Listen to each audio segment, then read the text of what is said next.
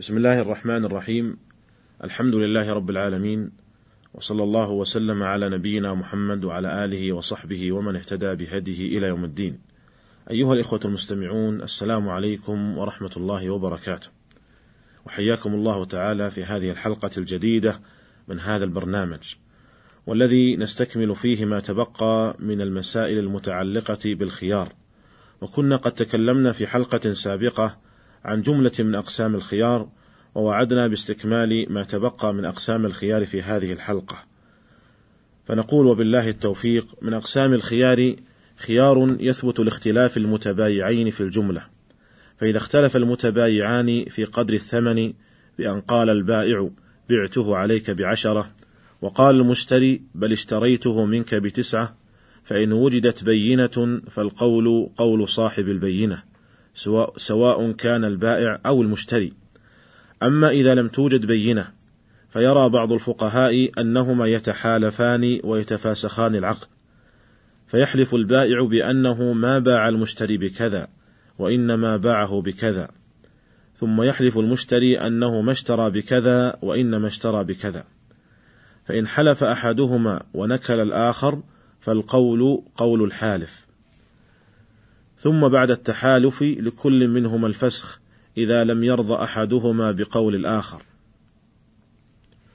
وذهب بعض أهل العلم إلى أن القول قول البائع بيمينه في هذه الحال، لحديث ابن مسعود رضي الله عنه أن النبي صلى الله عليه وسلم قال: إذا اختلف المتبايعان وليس بينهما بينة فالقول ما قال البائع أو يترادان. أخرجه أبو داود والترمذي والنسائي وابن ماجه وأحمد. ويرى بعض أهل العلم أن القول الأول وهو القول بالتحالف ثم فسخ العقد يرجع للقول الثاني وهو أن القول قول البائع. لأنهما إذا تحالفا وتفاسخا فإن المبيع سوف يرجع للبائع. فيقال للمشتري إما أن تأخذ السلعة بالثمن الذي عينه البائع وإما أن تترك البيع. وقد أشار إلى هذا القول الموفق بن قدامة رحمه الله فقال ويحتمل أن يكون معنى القولين واحدا وأن القول قول البائع مع يمينه فإذا حلف فرضي المشتري بذلك أخذ به وإن أبى حلف أيضا وفسخ البيع. انتهى كلامه رحمه الله.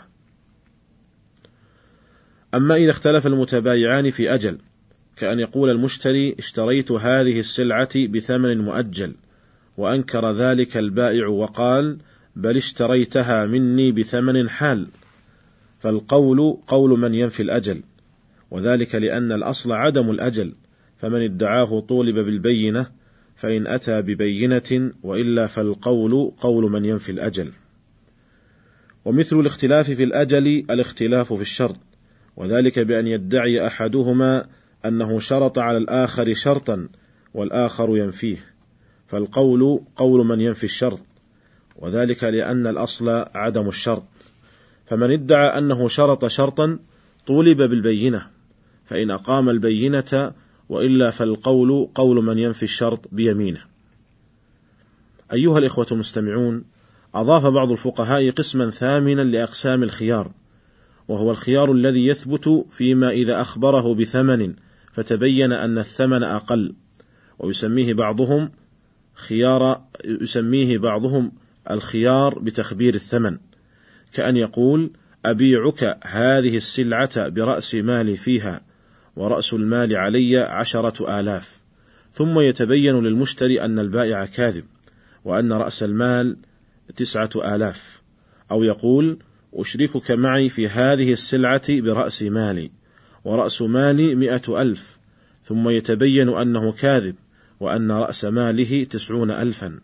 أو يقول بعتك هذه السلعة بربح كذا وكذا على رأس مالي فيها. أو يقول بعتك هذه السلعة بنقص كذا وكذا عما اشتريتها به. ففي هذه الصور الأربع إذا تبين أن رأس المال خلاف ما أخبره به فله الخيار بين الإمساك والرد. وذهب بعض الفقهاء إلى أنه لا خيار للمشتري في هذه الحال، وإنما يجرى الحكم على الثمن الحقيقي، ويحط عنه الزائد. فمثلا إذا قال البائع أبيعك هذه السلعة برأس المال وهو علي عشرة آلاف ثم تبين للمشتري أنه كاذب وأن رأس المال تسعة آلاف فبناء على هذا القول لا خيار للمشتري وإنما له الحق في مطالبة البائع بالزائد وهو في هذا المثال ألف ريال. وهذا القول الأخير هو الأظهر والله تعالى أعلم وذلك لأن الأصل لزوم البيع. وعدم ثبوت الخيار للمشتري بعد التفرق بالأبدان. ولا نخرج عن هذا الأصل إلا بأمر واضح. وحصول الضرر للمشتري بسبب كذب البائع عليه يمكن زواله بأن يجعل له الحق في مطالبة البائع بالقدر الزائد. أيها الإخوة المستمعون، هذا هو حاصل كلام الفقهاء في الخيار وأقسامه، فيثبت الخيار للمتبايعين أو لأحدهما بموجب هذه الخيارات، وما عدا ذلك فالأصل لزوم البيع، أي أنه ليس لأحد من المتبايعين الفسخ إلا برضا الطرف الآخر، ولكن يستحب له أن يقيله، وهذا ما يسميه الفقهاء بالإقالة، ويعرفونها بأنها فسخ أحد المتعاقدين العقد عند ندم الآخر. والأصل فيها قول النبي صلى الله عليه وسلم: من أقال مسلما بيعته أقال الله عثرته. أخرجه أبو داود وابن ماجه. وفي رواية لابن حبان: من أقال نادما عثرته أقال الله عثرته يوم القيامة. وهذا الحديث يدل على أنه يستحب للمسلم أن يقيل أخاه المسلم عند ندمه على بيع أو شراء، وأنه موعود بأن يقيل الله عثرته في الدنيا والآخرة، والجزاء من جنس العمل، وربما تكون تلك الإقالة سببا لحلول البركة في تلك السلعة. وقد اختلف العلماء في الإقالة هل هي فسخ أو بيع، على قولين مشهورين، والأظهر والله تعالى أعلم أنها فسخ، وهذا هو المشهور من مذهب الشافعية والحنابلة.